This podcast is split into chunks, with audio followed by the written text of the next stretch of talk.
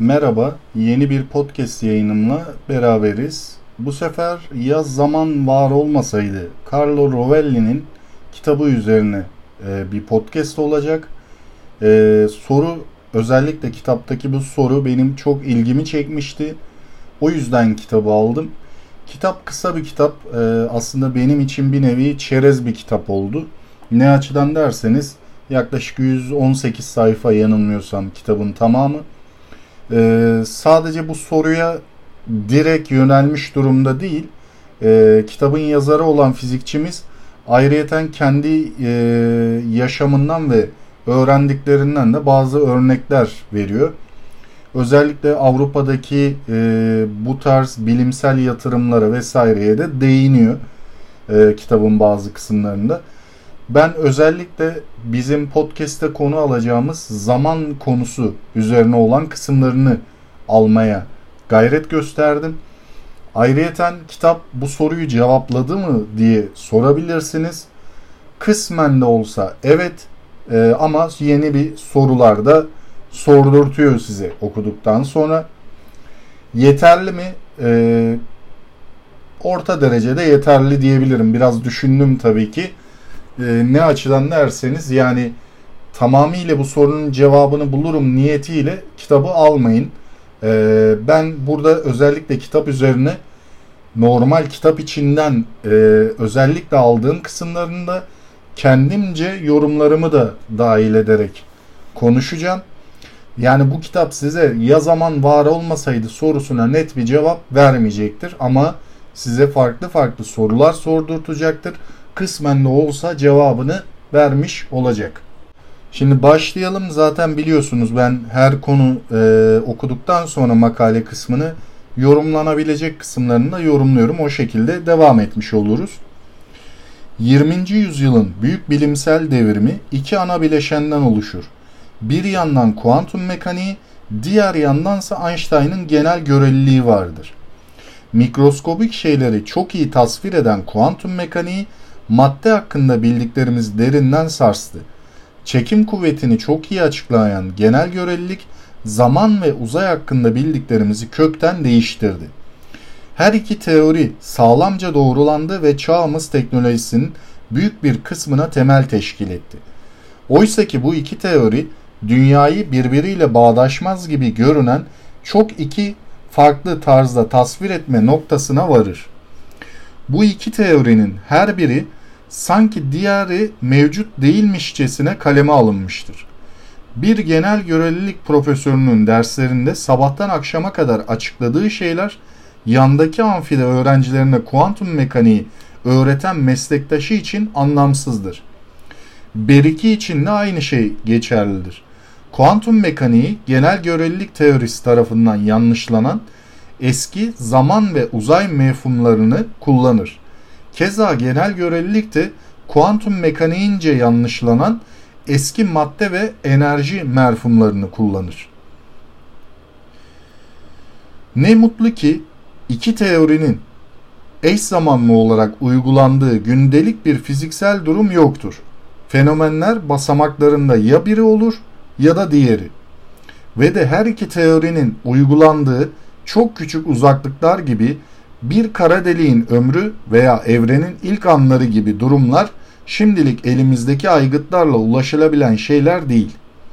Ne var ki bu iki büyük keşfi nasıl birbirimiz birbirine eklemleyeceğimizi bilmedikçe dünyayı düşünmede global bir çerçeveden yoksun kalıyoruz. Parça parça ve içsel olarak dayanıksız açıklamalarla bir tür zihinsel yarılmışlık halinde bulunuyoruz. Öyle ki uzayın, zamanın ve maddenin ne olduğunu artık bilmiyoruz. O halde günümüzde temel fizik içler acısı bir haldedir. Evet yazar bu kısımda e, temel fiziğin içler acısı hali diye bir başlık altında özellikle e, genel görelilik ve kuantum mekaniğinin eksiklerini ve birleşememesi üzerine bir yazı da bulunmuş yani kitabına eklemiş. Evet şu an her şeyin teorisi denen şeyi bulduğumuzda e, her iki teoriyi birleştirmeye çalışıyoruz. Ve zaman dediğimiz zaman yani ya zaman var olmasaydı kitabın ana öğesi bu iki şeyin birleşiminde belki ortaya çıkabilir. Özellikle bunu da sonraki kısımlarına vurgulamaya çalışıyor. Ee, genel görelilik ve kuantum mekaniği aslında zaman olgusunda bize açıklayabilecek iki teoridir. Ee, bu gözle bakabiliriz bu olaylara. Özellikle kitapta e, bahsedilen konu zaman dışında da bu e, teorilerin üzerine odaklanmış durumda. Çünkü bu teoriler normalde zamanı da e, açıklama içerisine dahil eden teoriler. Yani kuantum mekaniği ve genel görelilik gibi düşünebilirsiniz. Devam edelim. Genel görelilik başlığı altında bir şey bu da. Bay A ile B'nin gerçekte aynı kimse olduğunu keşfetsek bu iki şekilde ele almak mümkün olurdu. Denebilirdi ki Bay B diye biri yoktur. Çünkü gerçekte o Bay A'dır. Yahut Bay A diye biri yoktur. Çünkü o gerçekte Bay B'dir. Böylece Einstein'ın keşfi iki şekilde dile getirilebilir. İlki kütle çekimsel alan yoktur. Hareket eden, titreşen ve deniz gibi dalgalanan şey uzayın ta kendisidir. Bu konuyu takdim etmenin sık rastlanan bir şekillidir. Ama sorunludur. Zira uzayın elektromanyetik alandan tamamen farklı öze sahip bir şey olduğunu düşünmeye yol açar. Oysa elektromanyetik alan ve kütle çekimsel alan birbirinden bu denli farklı türde şeyler değildir. Demek ki Einstein'ın büyük keşfini tasvir etmenin en iyi yolu Newton'un uzayının olmadığını söylemektir. O gerçekte kütle çekimsel alandır.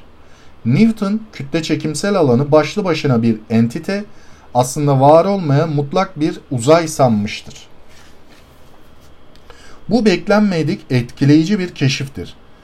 Newton'un sabit katı kutu bir tasvir ettiği uzay gerçekte mevcut değildir. Var olan kütle çekimsel alandır. Elektromanyetik alan ile aynı türdeki elastik ve dinamik fiziksel bir obje. Bir anda dünya artık uzayda yaşayan parçacıklardan ve alanlardan meydana gelen bir şey olmaktan çıkıp sadece parçacıklardan ve alanlardan meydana gelen bir şey oluverir. Adeta birinin öbürünün içinde yaşadığı alanlardan meydana gelen bir şey. Biz kütle çekimi alanı üstünde ya da kütle çekimi alanının içinde yaşıyoruz ama katı bir kutu uzayda değil. Okyanusta bir ada hayal edin. Orada çok sayıda hayvan yaşasın. Bir adanın üstünde hayvanlar olduğunu söyleriz. Ama Einsteinum adlı genç bir deniz biyoloğu sıkı bir araştırma yapar ve adanın bir kara parçası olmadığını keşfeder. Ada sanılan şey gerçekte devasa bir balinadır. Yani hayvanlar adanın üstünde değil, bir başka hayvanın üstünde yaşamaktadır. Artık adanın üstündeki hayvanlardan değil, bir hayvanın üstündeki hayvanlardan söz edilebilir. Adanın aslında bir balina olduğunun keşfi diğerleri gibi hayvanın söz konusu olduğunu yani hayvanlar ve adalar olmak üzere farklı yapıda iki entitenin var olmadığını diğer bir hayvanın üstünde yaşayan hayvanlar olmak üzere aynı yapıda entitelerin var olduğunu bize gösterir. Artık suyun üstünde yükselen bir kara parçasına referans yapmaya gerek kalmaz. Burada aslında e, yazarımız özellikle zaman konusundaki e, zamanın var olma kısmını açıklamaya çalışmış. Örneklem de vererek e, biz aslında zamanı tam olarak algılamıyoruz, algılayamıyoruz diye açıklamaya çalışıyor. E, bunu da şuradan anlıyoruz. Yani biz zamanı uzay zaman, mekan vesaire gibi tanımlar içerisinde kullanıyoruz. Yani e, uzayın içindeki bir e, bir boyut olarak tanımlıyoruz zamanı da. Ama aslında bu algımızın dışında bir şey olduğunu anlatmaya çalışıyor. Biz böyle biliyoruz aslında böyle olabilir diye bir örnek veriyor aslında böyle olabilir kısmını da açıklamıyor tabii ki o da bilmediği için. E, zaman olgusunu aslında bir nevi e, düşündüğümüz şey olmayabileceğini açıklamaya çalışmış gibi düşünebilirsiniz burada. Belli bir paradoksta bırakmış kendince. Ee, biraz çünkü kafa karıştırıcı oluyor. Zaman yoksa o zaman uzay, evren vesaire zaman algısı niye var diye sordurtabilirsiniz kendinizi. Aslında var diyor ama bizim algımızın yanlış olduğunu dile getirmeye çalışıyor. Evet devam edelim. kuantum çekimi başlığının altındaki bir kısımdan devam ediyoruz. Bir yandan Einstein uzayın elektromanyetik alan gibi bir alan olduğunu ortaya çıkardı. Diğer yandansa kuantum mekaniği bize her alanın kuantalardan oluştuğunu ve sadece bu kuantaların olasılık bulutunun açıklanabildiğini öğretiyor. Bu iki fikir bir araya getirilirse doğrudan çıkan sonuç uzayın yani kütle çekimsel alanın da tam da elektromanyetik alan gibi tanecikli bir yapı arz etmesi gerektiğidir. O halde uzay tanecikleri var olsa gerekir. Üstelik bu taneciklerin dinamiği ihtimali olmalıdır. Öyleyse uzay, uzay taneciklerinin bir olasılık bulutu olarak açıklanmalıdır. Bu olağan alışıldık içgörümüze uzak düşmesi bakımından biraz baş dönmesi uyandıran bir kavrayıştır. Ama bununla birlikte en iyi teorilerimizden çıkan da bu görüştür. Newton'un kutu uzayı artık mevcut değildir. Uzay dalgalanan bir alandır ve onun yapısı da olasılık yasalarına tabi tabi taneciklerden meydana gelir. Ama uzay tanecikleri ne anlama gelebilir? Onları nasıl tasvir etmeli? Hangi matematikle? Onları yöneten denklemler nelerdir? Uzay taneciliklerinin olasılık bulutları ifadesi ne anlama gelir? Gözlem ve ölçüm yaptığımız şeyler üstünde onların meydana getireceği sonuçlar nelerdir? İşte bütün kuantum çekimi problemi budur. Uzay taneciliklerinin bu olasılık bulutlarını açıklayan bir matematiksel teori kurmak ve onların ne anlama geldiğini kavramak. Evet, e, bu konuda özellikle yazarımızın yani Carlo Rovelli fizikçimizin çalıştığı bir alan. Kuantum çekimi üzerine çalışıyor fizikçimiz de. Uzayı bir tanecik gibi, halkalı tanecikler gibi düşünüyor. Ve bu taneciklerin de zamanı var edebildiğini açıklamaya çalışıyor. Ve uzay zamanın dokusunun tanecikli, halkalı olduğunu düşünüyor. Bu e, kendi teorisine ait bir geliştirme. Baktığımız zaman mantıklı mı? Evet. Ve kuantum kütle çekim alanı ile ilgili e, iyi derecede fizik bilgisine sahip e, bir profesör bu yazarımız. O yüzden bu konuda gayet bilgili diyebiliriz. Tabii ki burada açıklarken bizim anlayabileceğimiz dille açıklamaya çalışmış. Gayet de güzel yapmış. Çünkü neden derseniz e, şimdi fizik ve matematik konuları e, sayısal zekaya sahip olmayan ki ben de bunlardan birine dahilim. E, aşırı derecede sayısal zeka sahibi değilim. Ama e, bizlerin de anlayabileceği dile getirmeleri çok güzel oluyor.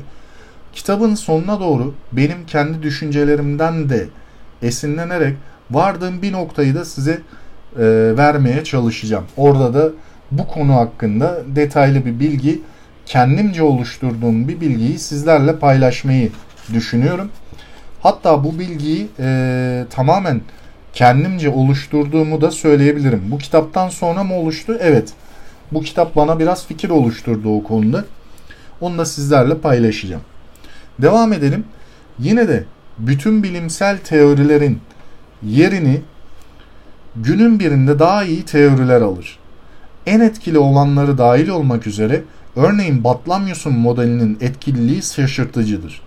Bugün hala 19 asır önce yazdığı kitabını açıp gelecek ay Venüs'ün gökyüzündeki konumunu kesin bir şekilde öngörmede kullanabiliriz. Bununla birlikte dünyanın Batlamyus tarafından kullanılmış olan dış çemberler ve deferentler ile iyi açıklanmadığını biliyoruz. Daha da şaşırtıcısı mühendislerin dünyanın dört bir yanına köprüler inşa edip uçaklar üretirken kullandığı Newton'un teorisinin başarısıdır. Ne var ki bunca iyi kurulmuş olan Newton teorisinin bile yanlışlığı ortadadır. Bu kesinlikten yoksunlukla yaşayabilir miyiz? Hangi bilgiye bel bağlayabiliriz? Bilimin bize dünya hakkında söylediklerinin doğru olduğundan hiçbir zaman emin olamayacak mıyız? Günün birinde bir son nihai teorinin bulunacağı hayal edilebilir. Ama bu bana boş bir hayal gibi görünüyor. Doğa hakkında bilmediğimiz şeylerin ucu bucağı yoktur. Ve teorik fizikteki ucu açık problemler o kadar temeldir ki yolun sonuna yakın olduğumuza inanmıyorum. E öyleyse bilim niçin muteberdir? Cevapları şimdilik sahip olduğumuz en iyi cevaplar olduğu için. Ve bundan da şu sonuç çıkar. Daha iyi bir cevap ortaya çıkarsa bilimsel olan cevap o olacaktır. Böylece Newton fiziği Einstein'a kadar bilimin eş anlamlısıydı. Ama Einstein uzayın eğri olduğu, zamanın herkes için aynı olmadığı ve ışığın fotonlardan oluştuğu yeni bir dünya tasarrufu, tasavvuru geliştirdiğinde Newtoncılıktan çıkış bilimsel çağın sonu olarak görülmemiştir. Bilakis Einstein'ın saygıdeğer bir bilim adamı olduğunu düşünürüz. Burada yazarımız Einstein'ın e, Newton'un mekaniğini yıkıp yeni bir mekanik oluşturması, genel göreliliği tanımlaması, izafiyet ve özel görelilik tanımlarını e, Newton'un mekaniğinin üzerine kurduğunu ama Newton'un e, bütün her şeyini yıkmadığını, bir nevi üzerine yeni e, çıtalar eklediğini bahsetmeye çalışıyor. E, özellikle zaman konusunda burada bir şeye değinmiyor ama e, yani bilimin nasıl oluşturulabileceğini, nelere baktığını, e, neden ba- e, bazı soruları cevaplayabildiğini, neden bazı sorulara da kesin cevaplar veremediğini açıklamış durumda. Evet yine devam edelim. Ee, başka böyle detaylı konuşacağımız konular için de yine yorumlarla devam ederiz.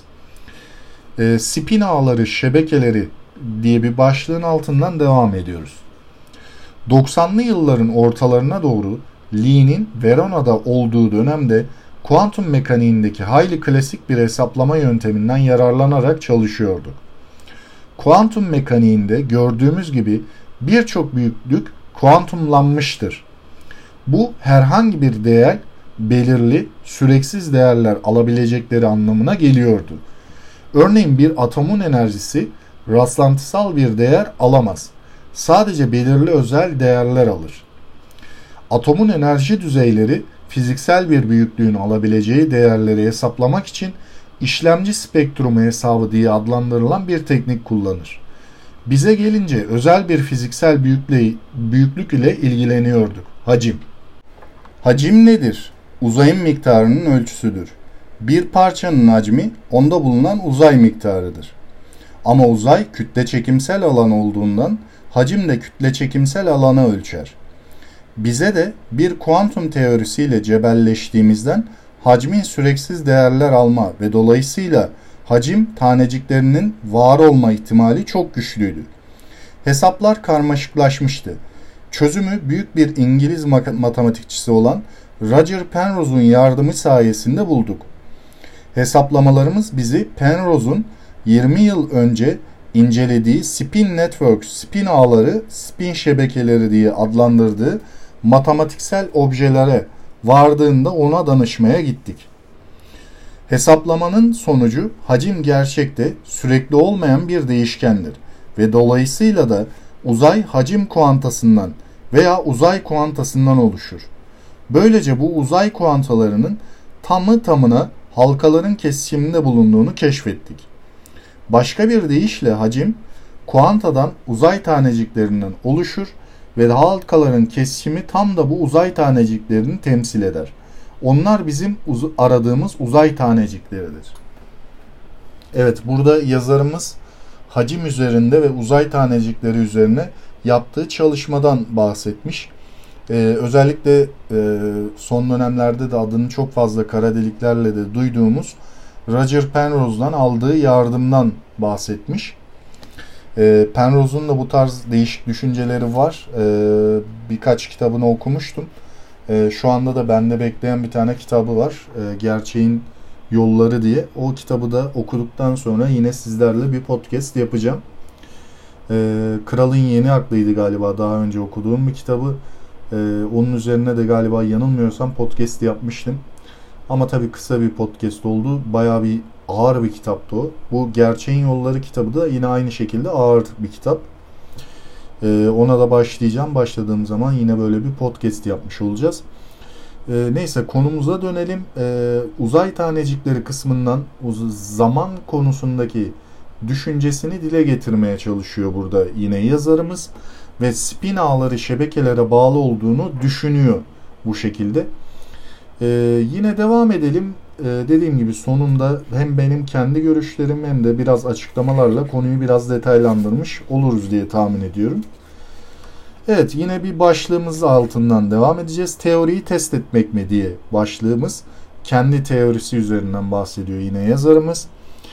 Halkalı kuantum çekim teorisi günümüzde onu farklı yönlerde geliştiren araştırmacılar tarafından bütün dünyada incelenmektedir. Teorinin çeşitli alanlarda uygulamaları bulunmaktadır. Örneğin kozmolojide Big Bang'in kainatın ilk anının incelenmesinde veya kara deliklerin özelliklerinin bilhassa da onların termik özelliklerinin incelenmesinde. Halkalar teorisinin kara deliklere uygulanması 70'li yıllarda Stephen Hawking tarafından yapılmış olan ilginç bir keşfe varır. Stephen, bilimsel çalışmalarını onu tekerlekli sandalyede yaşamaya ve eliyle kumanda ettiği bir bilgisayar aracılığıyla iletişim kurmaya mahkum eden amansız hastalığına rağmen sürdürebilmeyi başarmasıyla meşhurdu. Onun vardığı en önemli sonuçlardan biri kara deliklerin sıcak olduğu yönündeki teori keşfiydi. Biliyoruz ki cisimler genellikle onların mikroskobik unsurları hareket halinde olduğu için sıcaktır. Sıcak bir demir parçası içinde demir atomlarının denge konumlarının etrafında hızla titreştiği bir şeydir. Ama bir kara delik sıcaksa titreşen şey bu elementer atomlar mıdır? Halkalar teorisi, bu arada bu halkalar teorisi sicim teorisi aslında bahsettiği. Halkalar teorisi bu soruya bir cevap verebilir. Kara deliğin titreşen ve onun sıcaklığının sebebi olan elementer atomları kesinlikle onun yüzeyinde tek başına olan halkalardır. Bu teoriyi kullanarak Hawking'in sonuçlarını halkaların mikroskobik titreşimleri cephesinden kavramaya ve onlardan yeni sonuçlar türetmeye müktedir olunabilir. Bu halkalar teorisinin tutarlılığı ve dolayısıyla da onun başarısı çok önemli bir testtir. Ama bu hakiki bir deneysel test değildir. Uzun zamandır gerçek deneysel doğrulama imkanı bulamayacağımıza inanıldı. Ama yakınlarda teoriyi uzayın tanecikli yapısının dolaylı sonuçlarını gözlemleyerek test etmeye imkan verecek birçok fikir ortaya çıktı. Evet, e, burada halkalar teorisi diye bahsettiği e, dediğim gibi sicim teorisi aslında. E, burada yazarımızın çeviriden de kaynaklı kitabın e, halkalar teorisi diye bahsedilmiş ama sicim teorisini anlatıyor diye algılayabilirsiniz. Çünkü şu an popüler bilimde bizler de dahil olmak üzere sicim teorisi şeklinde bahsediyoruz. Halkalar teorisi değil. E, halkalar teorisi sicim teorisinin e, biraz daha farklı bir açısı gibi düşünebilirsiniz. Aslında tam sicim de demeyeyim yani sizde yanıltmak istemiyorum bu konuda ama gördüğüm kadarıyla halkalar teorisi sicim teorisine çok benziyor. Öyle diye tabir edebilirim bunu. Aslında halkalar teorisi de e, fizikçimizin çalıştığı alanlardan birisi. Özellikle yoğunlaştığı ve bu kitapta da e, bu teorisini de anlatmaya çalıştığı bir kısım diye düşünebilirsiniz. Sicim teorisine benzerliği kuantum düzeyinde ilgilenmesi yüzünden oluştu bende. Sicim teorisi de biliyorsunuz kuantum e, mekaniği üzerinden oluşturulan bir teori. E, ben o açıdan biraz da benzetiyorum birbirlerine. Ama tabii ikisi aynı şey demeyelim. Ee, ben size başta öyle söyler gibi düşünürsünüz diye bunu açıklamak istedim. Halkalar teorisi ayrı bir teori. Sicim teorisi ayrı bir teori. Ama bir, bir birbirlerine benziyorlar. Bence öyle algıladım ben e, yazarın bu halkalar teorisi üzerine. Hatta direkt açıklaması da halka kuantum kütle çekimi diye geçiyor arkadaşlar. Evet e, yine devam edelim bir sonraki başlığımızda. E, başlangıç kozmolojisi başlığının altında not aldığım bir kısmı yine okuyacağım size. Demek ki halkalar teorisi bize başlangıç kozmolojisini kainatımızın hayatının başlangıcını incelemek için mümkün bir alet sunabilir. Sonuçlar hayli şaşırtıcıdır. Einstein'ın genel göreliliği Big Bang'e gidildiğinde artık işlev görmez ve dolayısıyla da bir kuantum teorisi olmaksızın Big Bang anında neler olup bittiği hakkında hiçbir şey söylenemez. Kuantum mekaniğini bu konuya uyarlama girişimleri bile tatminkar sonuçlar vermedi. Örneğin Big Bang anında kainatta neler olup bittiğini eski Weller-Dwight denklemlerinden yararlanarak hesaplamayı denerseniz Einstein'ın klasik teorisindekiler ile aynı tutarsızlıkları yeniden bulursunuz. Zamandaki evrim Big Bang'de durur ve denklemler bütün anlamını yitirir. Buna mukabil halkalar teorisinden gelen denklemleri kullanırsanız denklemler derhal Big Bang içinde aynı şekilde işlev görür. Uzayın tanecikliği açık bir şekilde orada ge- ge- gerekçelenir. Kainat Big Bang'e yaklaştıkça giderek büzülür ama rastlantısal bir miktarda küçük olamaz.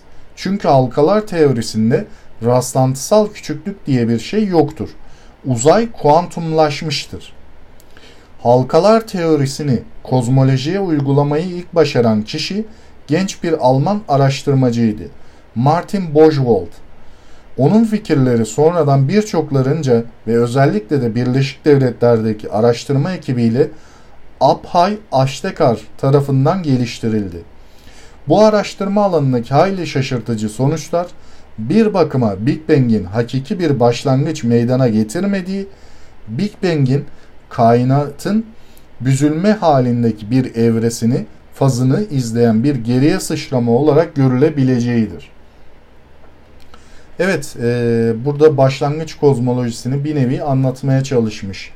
E, yazarımız özellikle Big Bang anında zamanın başlangıcına vurgu vermeye çalışmış. E, şöyle düşünebilirsiniz diyor.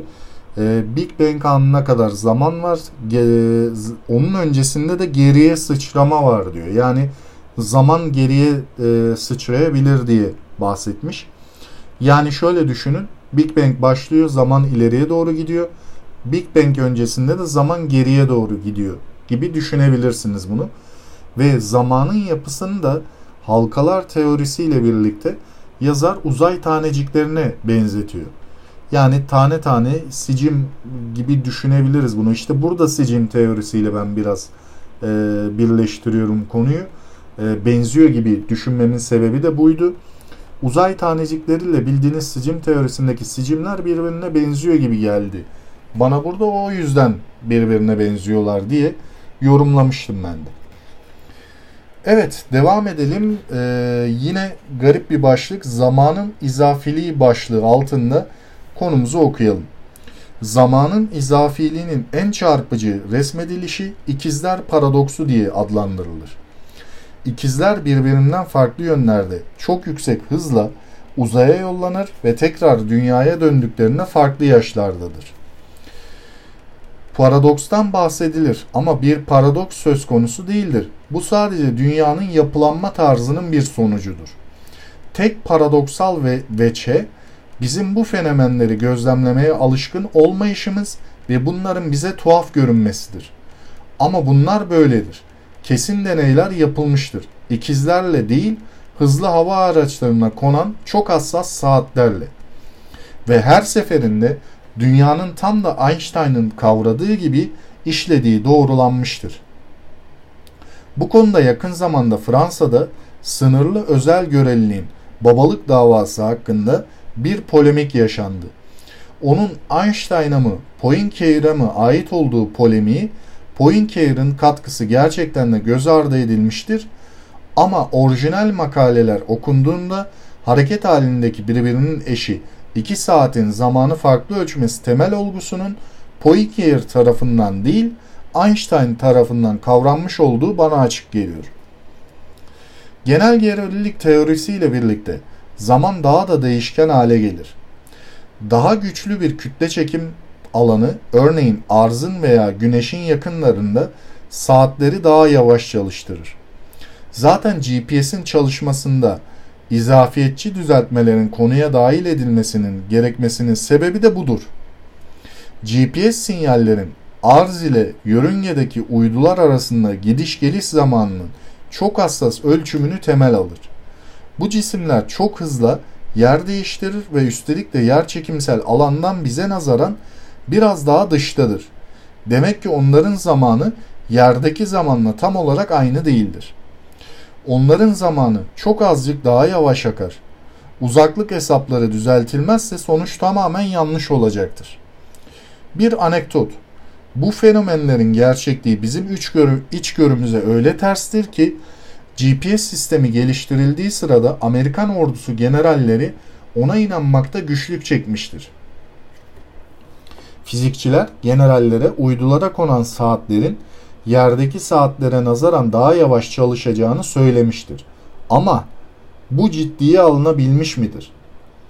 Bir general zamanın daha hızlı yahut daha yavaş aktığına sahiden nasıl inanabilir? Emin olmak için Amerikan ordusu sistemi iki opsiyonla test etti. Birinde hesaplarda düzeltme yapılmadı, diğerinde ise yapıldı. İşte genel göreliliğin hangi bakımdan ayakları yere basan bir teori olduğuna açık bir örnek. Bu tür öngörülere inanmamak aptallığın daniskasıdır.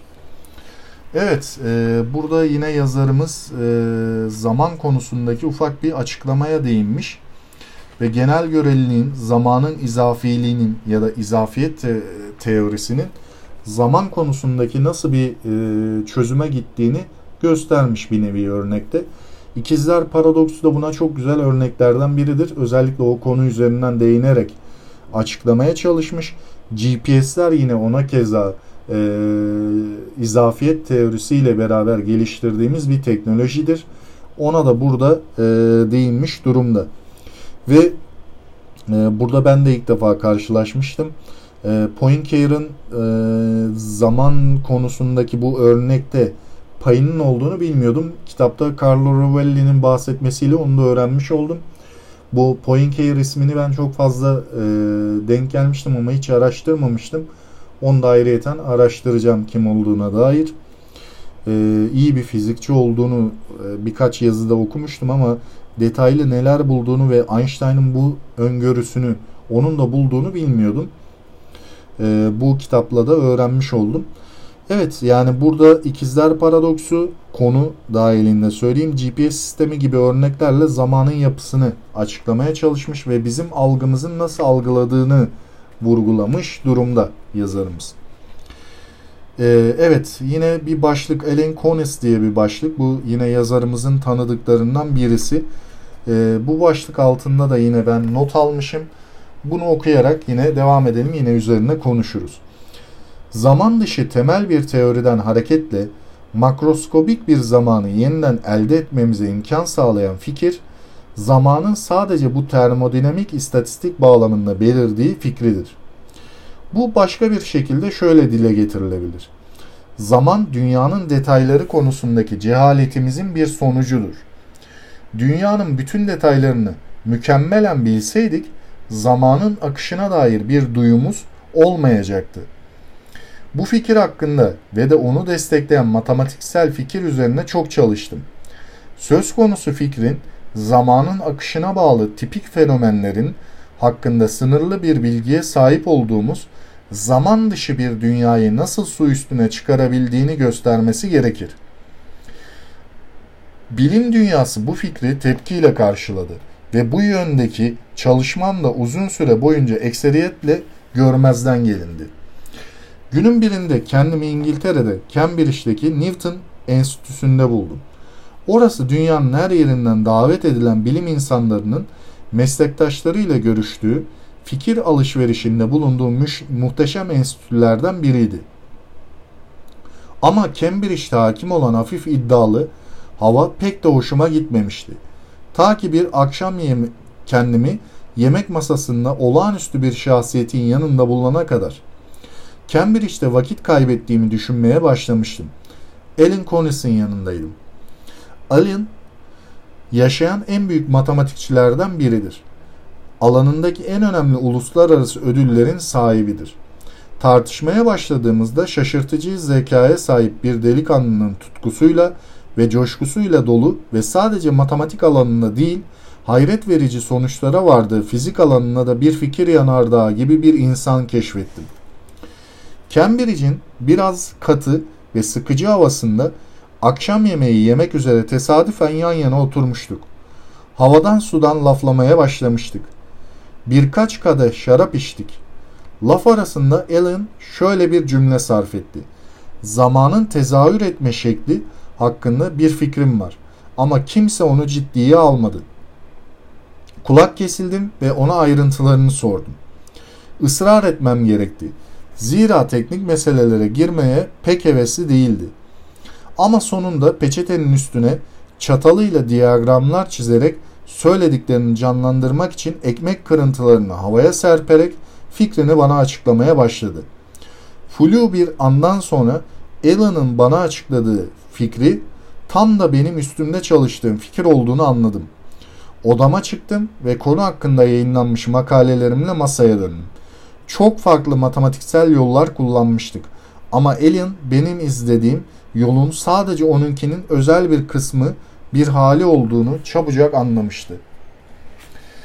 Evet burada Alan Connors e, diye bir matematikçiyle e, zaman konusundaki teorisi ve e, halka teorisini burada bu matematikçiyle paylaşıyor yazarımız. E, bunun üzerine de güzel bir konuşma yapıyorlar kendi aralarında. E, çok önemli gördüğüm kısmı burasıydı bu konuşmanın bir kısmı ve e, bahsettiği kısımlarda oraları almışım.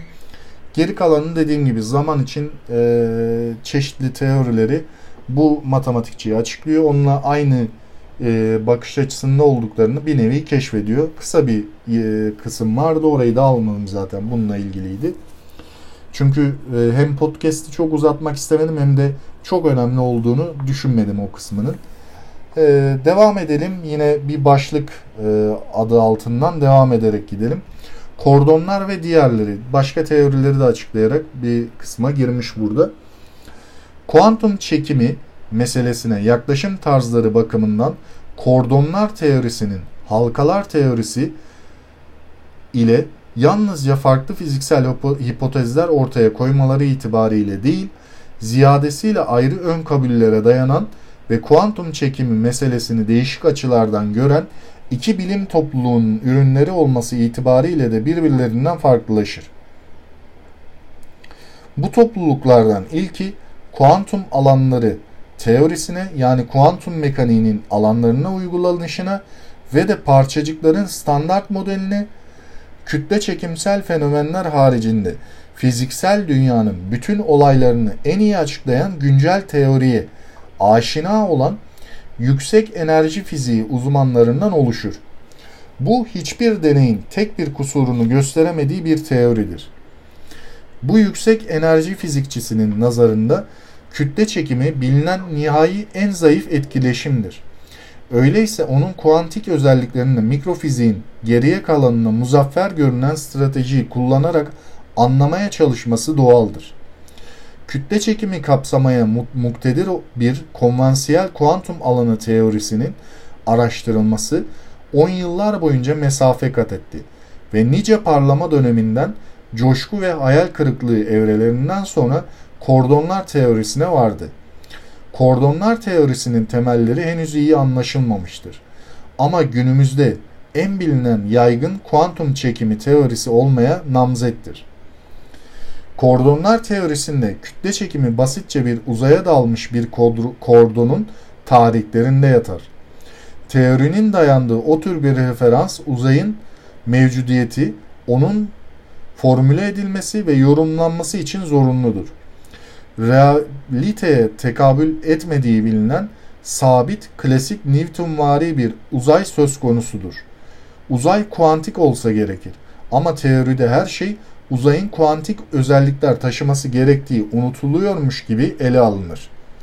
Bu mesele sonraya ötelenir.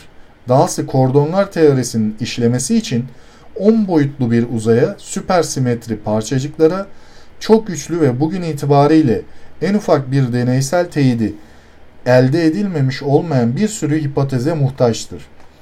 10 boyutlu ve bilinmeyen süpersimetrik parçacıklardan oluşan bir uzay teorisinin anlam belirsizliği içermeyen, net kavranılabilir ve yaşadığımız süpersimetrik olmayan 3 boyutlu dünyaya uygulanabilir öngörüler türetilmek üzere somut olarak nasıl kullanılabileceği pek açık değil.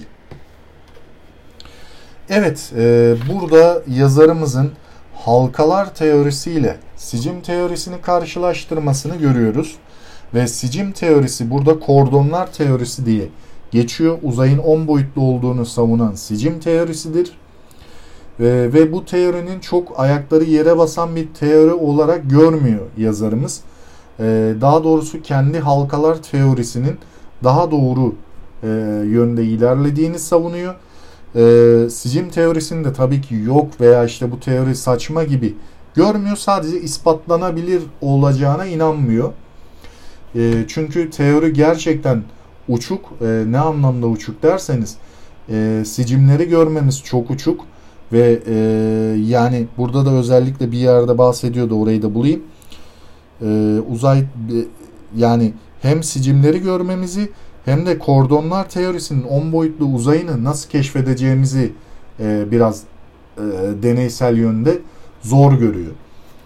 Ve halkalar teorisiyle benzetmemin sebebi ikisinin de dediğim gibi bakın burada yazar farklı diyor ama e, sicim teorisi sicimlerden oluşuyor, halka teorisi de halkalardan oluşuyor. Ben burada biraz bağıntı bulduğum için birbirine benzetmiştim. Yine bunu özellikle vurgulamak istedim.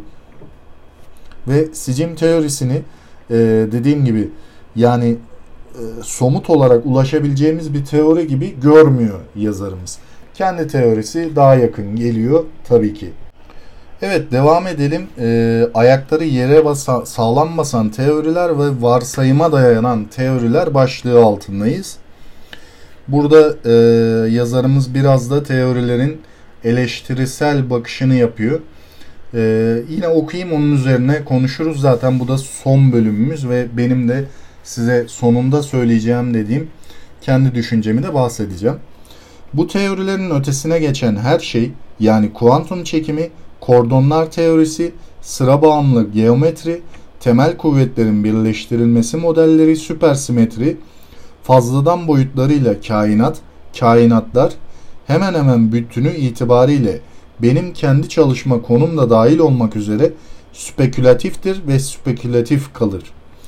Özellikle bakın bunu kendi teorisinin de dahil olmak üzere deneysel sonuca varmadığımız sürece spekülatif diye vurguluyor burada. Yani aslında yazarımızın bakış açısı gayet objektif diyebilirim. Bu hipotezlerin dünyamızı dosdoğru olarak tasvir ettiği hususunda hiçbir güvencemiz yok. Bunların hiçbir deneysel teyidi yoktur. Doğru bir şekilde hiç kullanılmamışlardır ve ancak bir deli onların öngörülerinin geçerliliği üzerine bahse girme riskini göze alabilir. Bu söz konusu teorilerin ilginç olmadığı anlamına gelmez. Bugün ayakları yere sağlam basan teoriler vaktiyle spekülatifti ve kesinlikten uzaktı. Yine de günümüzde öne sürülen teorilerin iyi teoriler olup olmadığını bilmiyoruz. Bilim insanlarının kahir ekseriyetince benimsenen ve de tutkuyla ve sadakatle bağlanılarak kaynakların ona yönlendirildiği bir teorinin olgularla sınanmasının sonucunda yanlışlığının ortaya çıkması tarihte ilk kez rastlanan bir durum olmayacaktır. Her araştırmacının kendi fikirleri ve kanaatleri vardır. Benim de var. Ve her biri kendi hipotezlerini tutkuyla, enerjiyle savunmak zorundadır. Zinde bir tartışma, bilgiyi aramanın en iyi yoludur. Ama kendi bakış açımızı savunmanın bizi köreltmemesi de gerekir.'' Haksız olabiliriz. Haklı mı, haksız mı olduğumuzu ortaya çıkaracak olan şey de diyalektik değil, deneydir. Bilim insanları sık sık hatalı bir şekilde iletişim kurar. Kendi fikirlerinden efsunlanmış halde konuşmalarında spekülatif bir teoriyi ayakları yere sağlam basan bir teoriden ayırt edemezler. Kendi hipotezlerini sık sık sanki onlar kabule şayan kaşiflermiş gibi sunarlar.'' Bu ise bilimsel araştırmaları finanse eden kurumlar karşısında doğru olmaz. Takdim edilen teorilerin varsayıma dayalı mizacı üzerine bir açıklık eksikliği bilimi itibarsızlaştırır. Örneğin kordonlar teorisi bazen sanki tamamına ermiş teori gibi sunulur. Evet, e, kitabımızdan benim aldığım notlar bu şekildeydi. Kitap genel olarak nasıl gördüğümü söyleyeyim. Belki merak edenleriniz olur.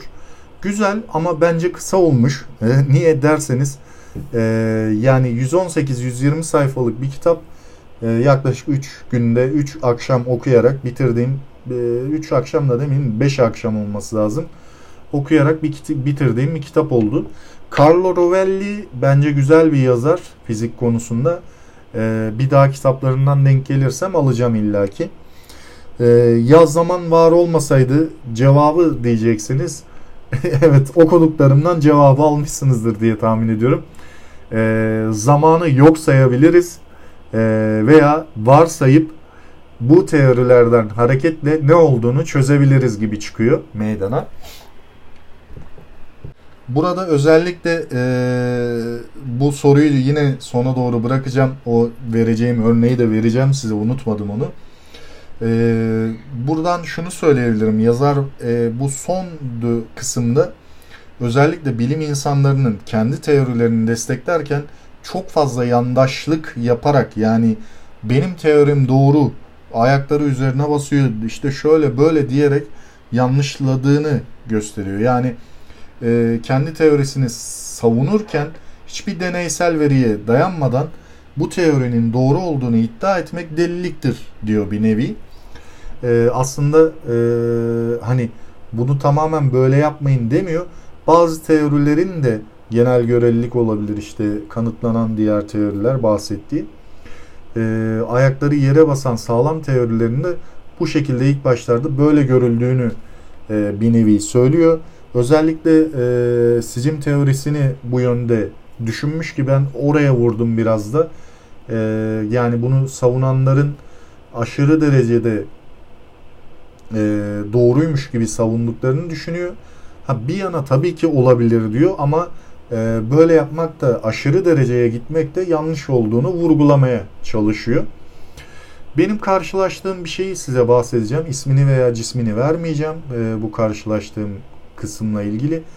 Bir tane e, fizikçimiz, Türk bir fizikçi, e, maalesef bir e, Clubhouse üzerindeki bir konuşmada e, benle yaptığı diyalogtan sonra bir daha katılmama kararı almıştım. Bir kez katıldım zaten o konuşmaların içine.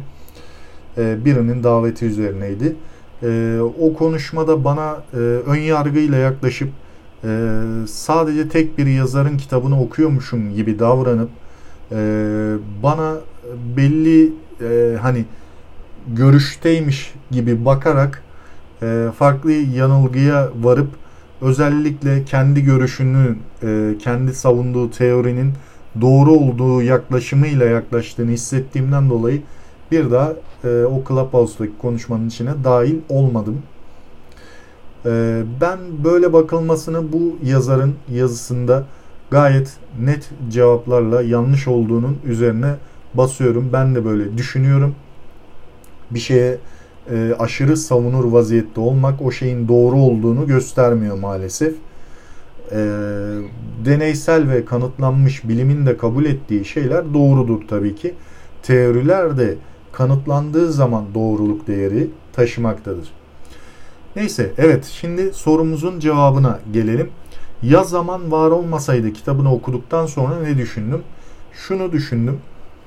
Ee, biliyorsunuz kuantum dünyası olasılıklar üzerine kuruludur ve kuantum en ufakların dünyasıdır. Yani bizim anlayabileceğimiz yine dille konuşuyorum. Ee, zamana baktığımızda yaşadığımız kendi bireysel zamanlarımıza da baktığımızda hep bir seçim üzerine kurulu. Ya doğruyu ya yanlışı seçeriz ya düz gideriz ya yan gideriz ya da işte sola gideriz, sağa gideriz. Yani seçimler hep iki tane şeyden oluşuyor. Doğru ve yanlış. Sıfır ve birler bilgisayardaki mantığıyla.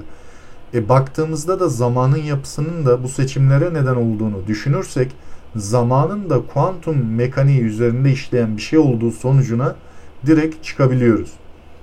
Ve zamanın da bir nevi olasılıklar üzerine kurulduğunu görebiliyoruz. Yani bireysel olarak bizim ve atomların ve evrenin seçimler üzerine oluştuğunu görebiliyoruz. Ben böyle düşündüm. Ee, ilginç bulabilirsiniz. E, benim kendi düşüncemdir bu. Bu şekilde olduğunu e, bu kitabı okuduktan sonra kendi fikrim olarak düşündüm. Evet, e, daha fazla uzatmayayım. E, bu podcast'te yaklaşık 50 dakikaya varmış oldu. E, yaklaşık 11 tane başlık altında bu kitabı size özetlemeye çalıştım. Yazarımız, ha, onu da bahsedeyim. Avrupa'nın koşulları üzerine de bu kitap üzerine ba- bayağı bir e, giydirme yapmış. Bilimsel önceliğin ve bilimsel terimlerin Avrupa'da çok etkin kullanılmadığını, e, daha da geliştirilmesi gerektiği üzerine de bayağı yazmış kitap içerisinde. Carlo Rovelli de benim takip edeceğim e, fizikçilerden ve kitapları varsa da, da araştırıp bulacağım, kitap e, okuyacağım e, bir yazar oldu benim için. Evet, e, bir podcast'imizin daha sonuna geldik. Sonraki podcastlerimizde görüşmek üzere. Hoşçakalın arkadaşlar. Podcastlerime ve videolarıma yorum ve beğeni yapmayı unutmayınız. Bir sonraki podcast yayınımda görüşmek üzere. Hoşçakalın.